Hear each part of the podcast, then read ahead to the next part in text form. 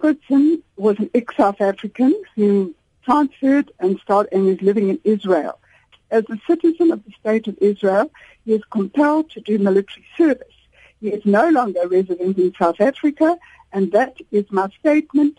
That is what it is. He is a resident, permanent resident in Israel. And we have checked this with his family. He lives in Israel. He's a citizen of Israel. He is not a citizen now of South Africa.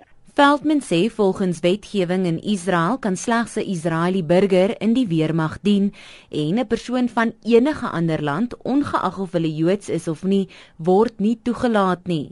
But no South African can serve in the Israeli army. You have to be a citizen of Israel to do that. That is the law of the state of Israel.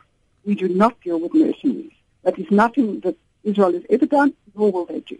The only time you become an Israeli citizen and if you are of Jewish descent and Jewish, you are able to go to Israel and you are able to take citizenship out of Israel. It's not automatic. I am a South African born and bred and live in South Africa. I'm definitely not a citizen of the state of Israel, even though my late husband was. He was in, an Israeli citizen. So, I mean, there you go. You can't. You've got to go live in the country and go through a normal process. Dit was die nasionale direkteur van die Suid-Afrikaanse Zioniste Federasie, Ayla Veldman. Ek is Melissa Tuggie in Johannesburg.